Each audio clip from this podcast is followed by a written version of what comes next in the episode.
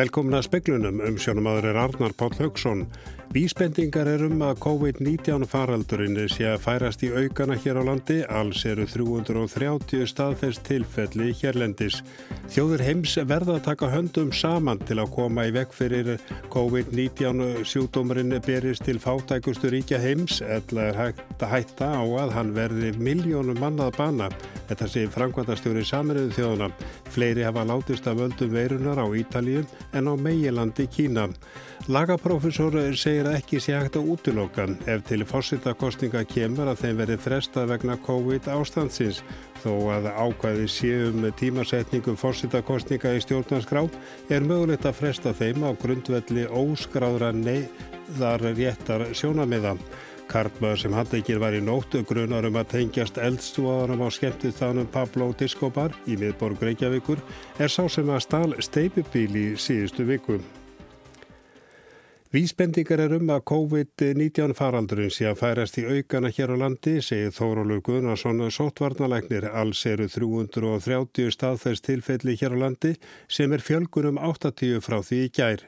Á veirufræði deildi landsbítalans að veri staðfest 73 smitt eða um 15% af innsendum sínum. Svo prósendutala hefur hækkað, hún var 10% í gær. Þórólfur sagði á upplýsingafundi almannavarna í dag að verulegt stökk hafi orðið í staðfestum smittum í sínatökunu á verufræðidildinni sem bendi til þess að veiran sé að ná sér á flug.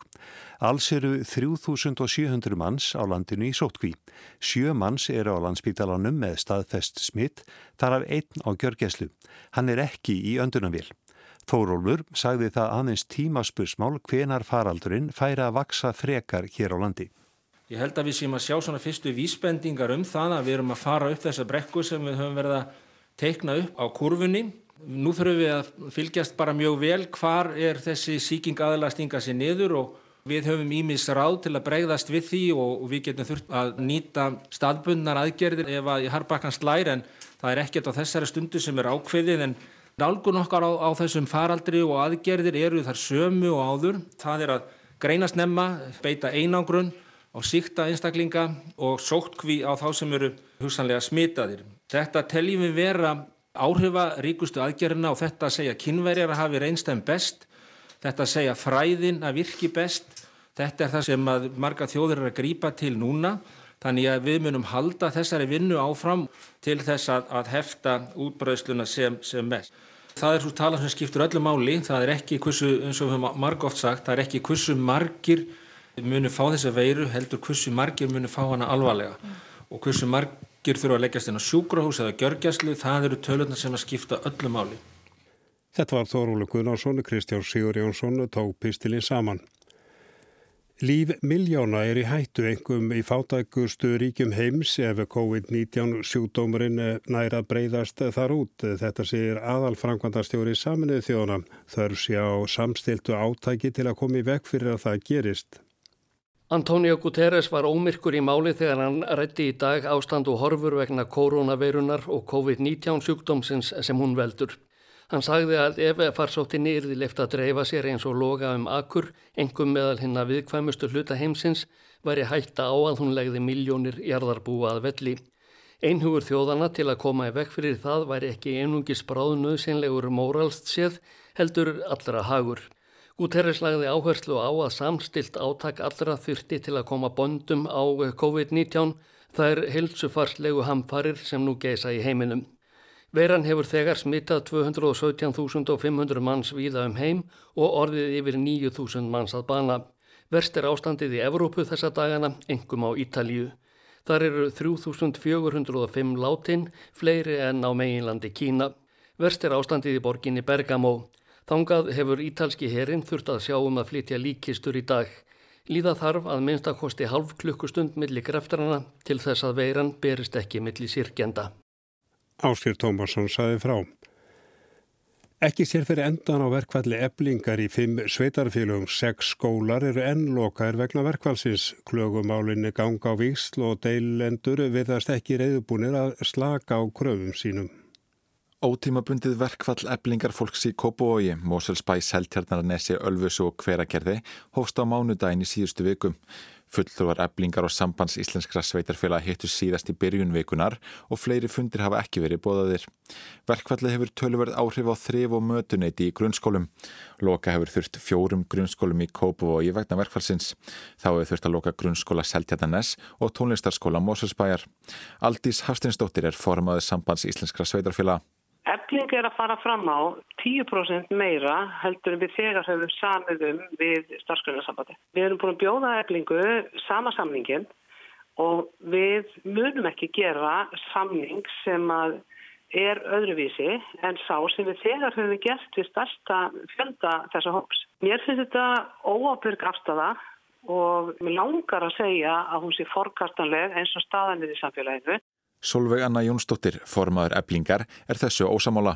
Ég bara hafna þessu alfarið og spyr á móti ætlar einhver að láta sem svo að fólk sem að starfar á nákvæmlega sama höfuborgarsvæðinu eigi að láta sér linda það að sveitafélagin neyti að verða við ósk þeirra um litla leiðrættingu sem að þegar hefur verið samið um fyrir félaga þeirra sem að starfa mögulega bara nokkrum metrum í burtu. Þetta var Solveig Anna Jónsdóttir, Yngvar Þór Björnsson tók saman. Þrítur karlmaður sem handleikin var eh, grunar um aðelda eldsváðunum á skemmtistanum Pablo Discober í miðborg Reykjavíkur er sá hinn sami og allir stór hættu í síðustu viku þegar hann stál steipubíl í miðborginni og konum meðal annars á móti umferðinni. Sankvæmtu upplýsingum frétt á stofur búist við því að fari verði fram á mánaðarlangt gæsluvarhaldi við manninum síðar í dag. Steipubílun sem laurugla veitti eftirför í miðbæ Reykjavíkur á miðugudagin í síðustu viku var stólið við vitastíg.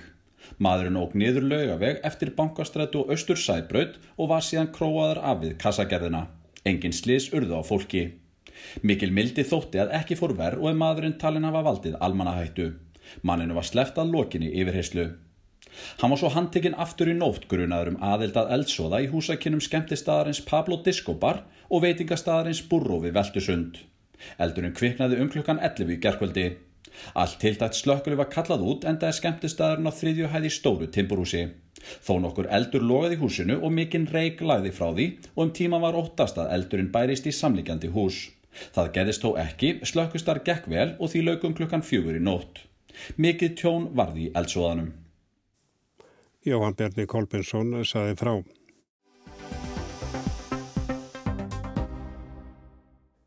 Professor í sakfræði segir ekki mikla líkur á að fósitt Íslands fái mótframbóð. Það er séu líklega ennminni vegna ástansins sem nú ríkir vegna COVID-verunar. Kjörtíðanbili fósittans líkur í lók júni. Góðir íslendingar, kæri vinir, ég heilsa ykkur og þakka sem nýkjörinn fósitti Íslands.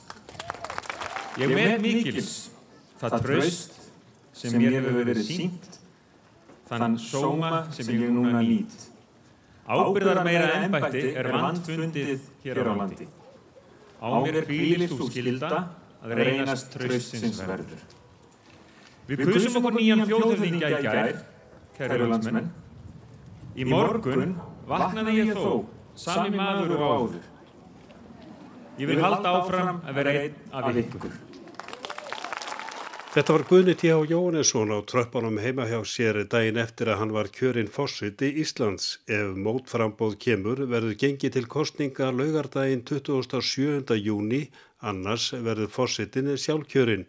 En er eitthvað líkur á mótframbóði? Ekki gott að segja, segir Guðmundur Haldunarsson, professor í Sakfræði við Háskóla Íslands. Hann bendir á að aðeins þrísvarsinnum í sögu líðveldisins hafi sitjandi fórsetar fengið mótframbóð. Gegnum líðveldi söguna þá hefur ekki verið nema þrísvarsinnum sem að það hefur verið raunlega komið mótframbóði sitjandi fórseta.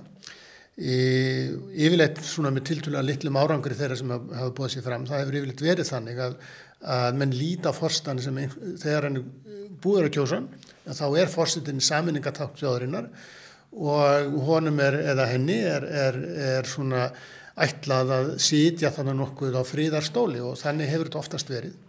Þannig að, og við getum kannski sagt að, og ég held að það sé alveg hótt að fullera það, að, að, að Guðni er, já, almennt vinsæl og, og óumdeildur þannig að, að það er minnst ekki neina, svona, neina líkur á því að þó að komi mótframbóð að, að það skilir miklu árangri en, en e, síðan auðvitað erum aðstæðun líka mjög óvennulegar um þessa myndir að, að e, þar sem að samkomi bann ríkir og, og fólk er kannski að hugsa um eitthvað annað heldur en að kostningar sem að sumum finnast kannski nokkuð tilgangslausar vegna þess að, að það er mun ekki leiða til þess annars heldur en að, að að fórsetin verði endur kjöru með yfirgnafndi meirulda atkvæða en við verðum bara að sjá til hvað gerist. Vigdís Fimboðadóttir fekk nokkuð óvand mótframbóðu 1988. Sigrún Þorsteinsdóttir fekk réttur um 5% atkvæða og Vigdís tæp 93%. En þetta er auðvitað líðræðislegu réttur fólks að bjóða sér fram og, og það þarf ekki mjög marga til að skrifa upp á það. það þú þart aðeins 1500 undirskriftir og ekki meir en 3000 þannig að, að hérna, það er svo sem ekki neitt óskaplega erfitt að, að smala saman í frambóð.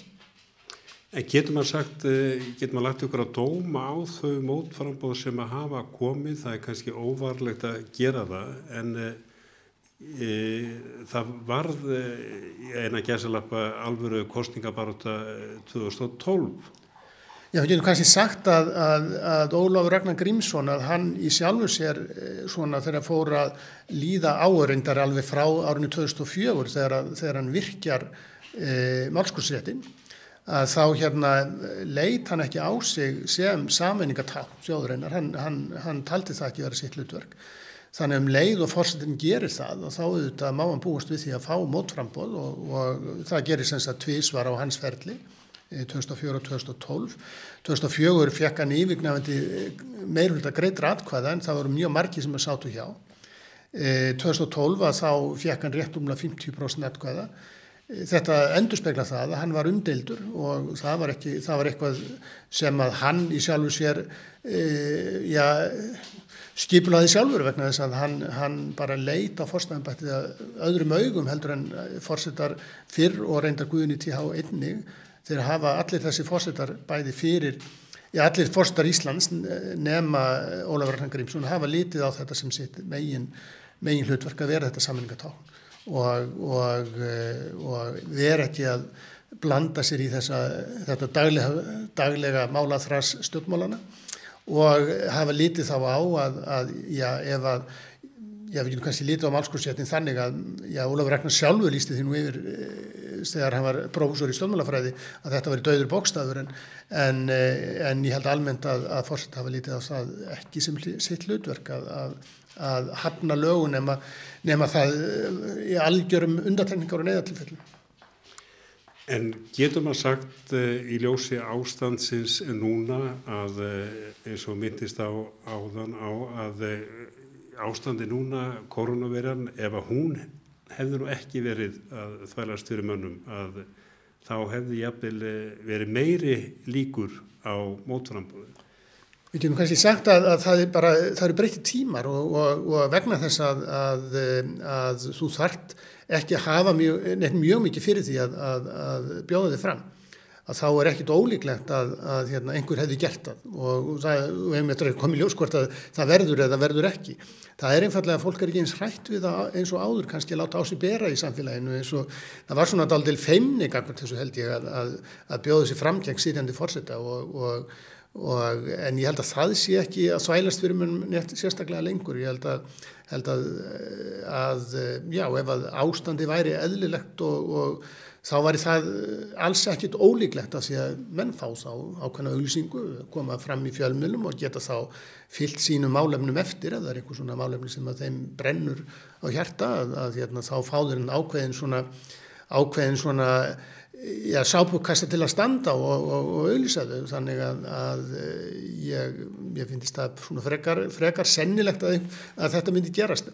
Hins vegar auðvitað hafa menn verið svona dálítið að segja að, að, að þetta er dýrt, það, það kostar pening að kjósa, þannig að, að eh, svona þegar ríkiskassin er svona hálf, hálf tómur að þá er kannski, hafa menn áhuga að eða fjennu í eitthvað annað heldur en að gefa einhverju tækifæri til þess að svona ber út sinn bóðskap að sérstaklega því það er nú kannski nóg af öðrum miðlum til þess endur en til að fórstafastningar. Þetta var Guðmundur Haldunarsson.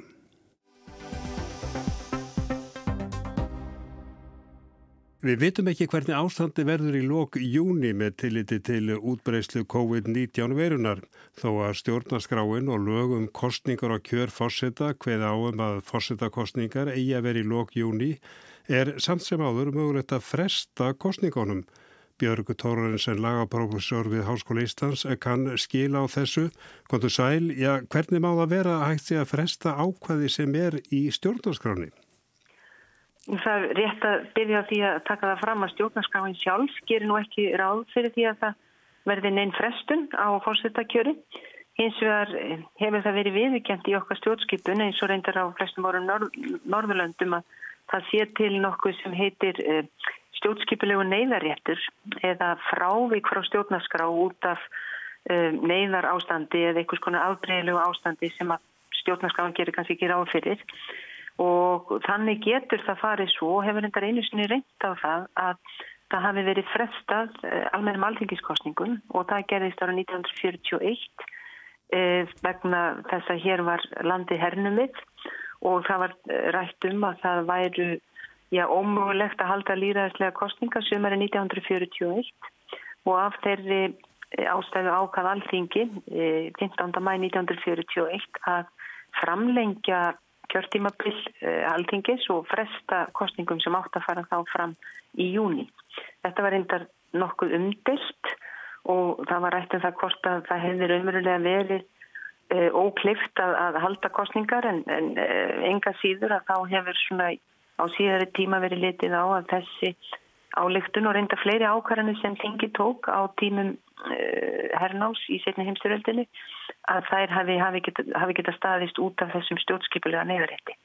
En þetta var eh, umdeilt og menn greint á um hvort þetta væri nöysilegt en á þessu tíma þá var eh, satt Einar Olgísson í fangilsi í Breitlandi og þá búið að loka þjóðviljónum. Já, hvað finnst þér? Var, já, var þetta nöysilegt?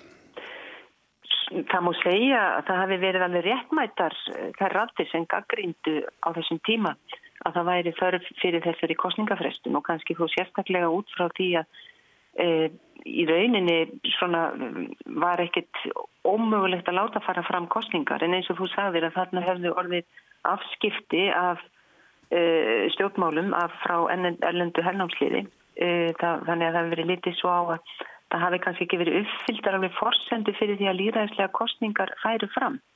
En svo má líka deila á og var deilt harkalega á að, að kostningum sem átt að fara fram þarna sömari 41 tillagan uh, hún snýrist um það að fresta þeim og það skildi fara fram kostningar eigi síðar en, en uh, það mæti ekki fresta kostningum lengur en í fjögur ár Þannig að það var ansi langur tími sem að þessi þingsáleiktun lautað með að fresta kostningum.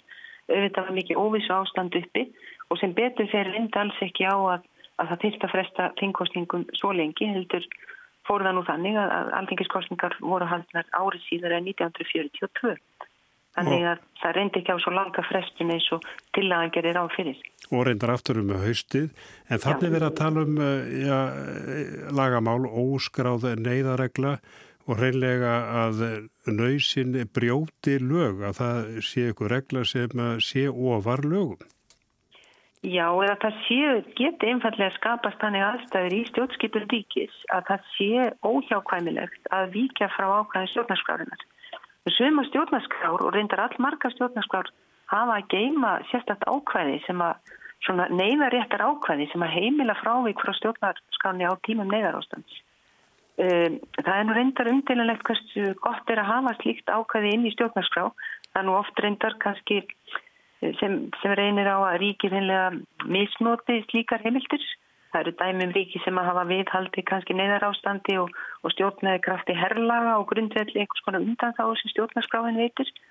En það er svo sem aldrei verið álita mál upp um það hér að, að þessi svo kallega stjórnskipulegi neyðaréttur yfir um, misnótaður eða hafi verið misnótaður. Það var auðvitað á tíminn setni heimstýraldarinnar reyndi í öllum ríkjum Evrópu með einhverjum hætti á þörfin á því að víkja frá ákvæði stjórnarskrárunar og þá ekki endilega að tala um að að nöðsinn brjóti lög heldur kannski að hluta til getur stjórnarskráin einfallega verið ófrangkvæmanleg eins og þegar að Danmörk hafði verið hernuminn og kongur gæti ekki uh, hérna uppfyllt skildur sínur samkvæmt stjórnarskrá og undirrita lög og aðra stjórnarástafanir. Þannig að sambandið þetta rofnaði þannig á milli ríkjana þegar bæði löndin voru hernum innan þetta var bara einfallega talið óframkvæmulegt. Og þá er stjórnskipilegu neður þetta gerir þá líka ráð fyrir því að það lamist ekki stjórnkerfi út af því að það vanti e, undirritum konungs á, á lög til dæmis. Þannig að það var eina af þessum álíktunum sem alltingi gerði og það var reyndar árið 1940 og það var að taka konungsvaldi til sín og, og stjórnar á Íslands tók við valdi konungs. Síðar var reyndar skipaður ríkistjóri og grundvelli sömu hérna nefnir þetta svona með til þess að fara með þetta vald konungs með að var ekki mögulegt að, að hann rækti þetta hlutasitt samkvæmt stjórnarskrá. Þannig að það að nöðsum brjóti lög, það er auðvitað eitt orð yfir ástandið en, en það má kannski segja bara að það geti verið skinsanlegt að þegar að aðstæður skapast, oft vegna stríðs ástands núna mögulega vegna fordæmalus ástands við það að það séu útbryttar farsóttir eða, eða faraldrar sem að leiða til þess að fólk uh, séu jafnvel í útgangubanni það get ekki hist að þá séu þetta skynsaleg rástöfun að, að, að líta til þess að sjónamins að það sé til eitthvað sem að já, aðstæður sem heimili frávík, frávík frá stjórnaskrá út af þessum sérstök aðstæðum. Bara örstuðt að uh, þú getur vantilega ekki svaraði Eh, finnst þér einhverja líkur á því að þessu ákvæði verði hugsanlega beitt? Ég minni á að það er ekkit ákvæði því að þetta er óskráð regla, óskráð regla þessum sjónamiðum um stjórnskipulega neyðari það er ekki takt að útiloka það. Maður getur ómólega spáð fyrir um hvernig hluti minni fróast næstu mánuði en e, fórsetta kjör á nú að fara fram. Það er reyndar eina dæmið í stjórnarskráni um að það sé fast nelt niður hvenar uh, kostninga á að fara fram. En sem sagt í sjöttu grein stjórnarskrárunar áfórsetta kjör að fara fram í júni eða júlimánuði og uh, kjörtímabil fórsetta mm, því líkur, já það, það hefst fyrsta ágúst. Það er ómögulegt að segja hvort að, já að fórsetta kostningum þurfi að fresta Nú ef kostningar, kostningar fari ekki fram og ef, ef ekki mögulegt að það fari fram að þá er líkast til eðlilegt að allþingi myndi gera það einhvers konar álíktun. En síðan verðum við að hafa í huga að fórsettinn á nú samkvæmt stjórnarskáni e, sína staðgengla. Það er sérstaklega hverið á um að ef fórsett er ekki ennbætti að þá gegni e, aðstu handhafar hvers þáttar ríkisvaldsins fórsetastörfum á meðan. Þannig að ef það er við tímabundin já, myndi skapast einhvers konar tímabil þar sem að uh, kjörtumabilið er runnið út og ekki búið að kjósa nýja fórsetta að þá myndu þessir handhafar geta sinn störfum hans eins og þeir gera vennilega í færverð hans. En svo er líka hægt spurning hvort eigi þá framlengja kjörtumabil fórsetans. Mér finnst mjög uh, svona erfitt og ég get enga veginn spáð fyrir um hvort að á þessum tíma verður ennþá förf á því að, að að eh, já, beita þessum viðtækur ástafunum sem er í gangi í dag en, en ég tel að þessi möguleiki sé til staðar og það verður bara að meta það kannski til að kemur fram á vorið því að það þarf líka að dálta tími til þess að undirbúa fórsetakjöri ef einhver ætlar að bjóða þessi fram á móti sitjandi fórseta þá þarf hann að hafa svigrún til þess að afla meðmalenda eins og gert ráð fyrir í undirbúningi af fórsetakjöri þannig að það þarf að skoða þetta auðvitað með nokkuð góði fyrirvara. Björg Tórónisinn, þakka þið kælega fyrir.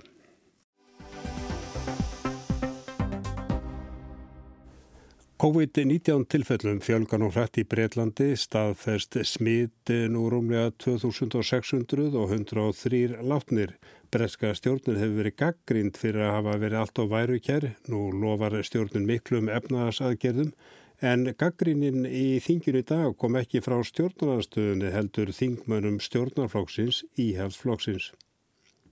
Það kom strax í ljós mánudaginn annan mars á fyrsta neyðarfundi bresku stjórnarnar vegna COVID-19 faraldursins og hún var ábyrjandi óviljug að leggja þungar samgöngu hvaðir á landsmenn. Skilabúðin eftir þennan fyrsta neyðarfund voru að stjórnin gæti vissulega gert ímislegt, gæti banna fótboltaleiki, loka skólum, en ekkert að þessu er þið gert í byli. Aðgerðir undanfarið hafa áfram verið tilmæli stjórnarnar eftir frumkvæði annara landsluta, samtaka og fyrirtækja. Og það skapar vandræði, saði borgastjóru höfuborgarnar Sati Khan á fundi með borgastjórninni í morgun. Bann betra en ábendingar. Everyone should halt non-essential contact with others Kann telur að ekkert dugi annað en að fólk hætti að hittast eða vera á ferðinni að nöðsynja lausu, ekki að fara á krána, klúpa, veitingahús og aðra samkómustadi. London er orðin miðpunktur veiru útbreyslunar í Breitlandi sést á staðfestum tilfellum og andlátum. Undanfarinn sólarhing hefur orðrómur um útgöngubann sem jáfnvel herin er þeir látin framfylgja, farið eins og eldur í sinu um félagsmiðlana. Þessu var algjörlega hafnað á bladamannafundi í fórsætsraðunetin í morgun, ekkert slíkt staði til.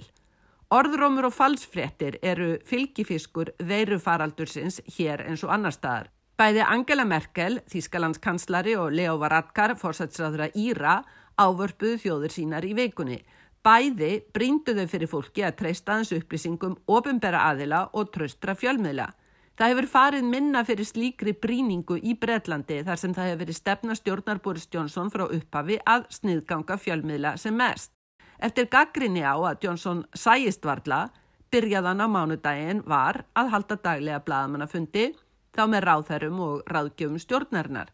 Þegar forraðamenn úrvalstildarinnar í fótbolta hafðu fresta leikum komu tilmæli um samkomi bann frá bresku stjórninni. Eftir að yfirvöld í Skotlandi, Wales og á Norðrýrlandi hugðist í vikunni loka skólum ákvað breska stjórnin hið sama.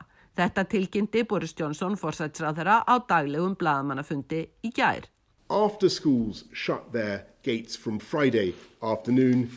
Eftir skólan á förstu dag á morgun verður þeim lokað og þeir lokaðir þar til annað verður tilkynnt, saði fórsætsráðara. Skólar verða þó áframopnir fyrir börn svo kallara likilstarfsmanna, skilgreiningin hér ekki skýr en á ljóslega við börn starfsólk í helbriðskerfinu. Börn sem eru félagslega íllastæð, fá til dæmis ókeppis máltíðir í skólanum, geta áfram farið í skólan þó ekki alveg ljóst heldur hvernig þessi börn verði valin úr. Ímsi skólamenn sakna skýra ákvarðana um próf, til dæmis prófið samsvarandi íslenska stúdarsprófinu, eins prófin sem framhaldsskólarnir byggja sína intöku á. Það er með þetta eins og margt annað, framkvæmdinn þykjur óklár.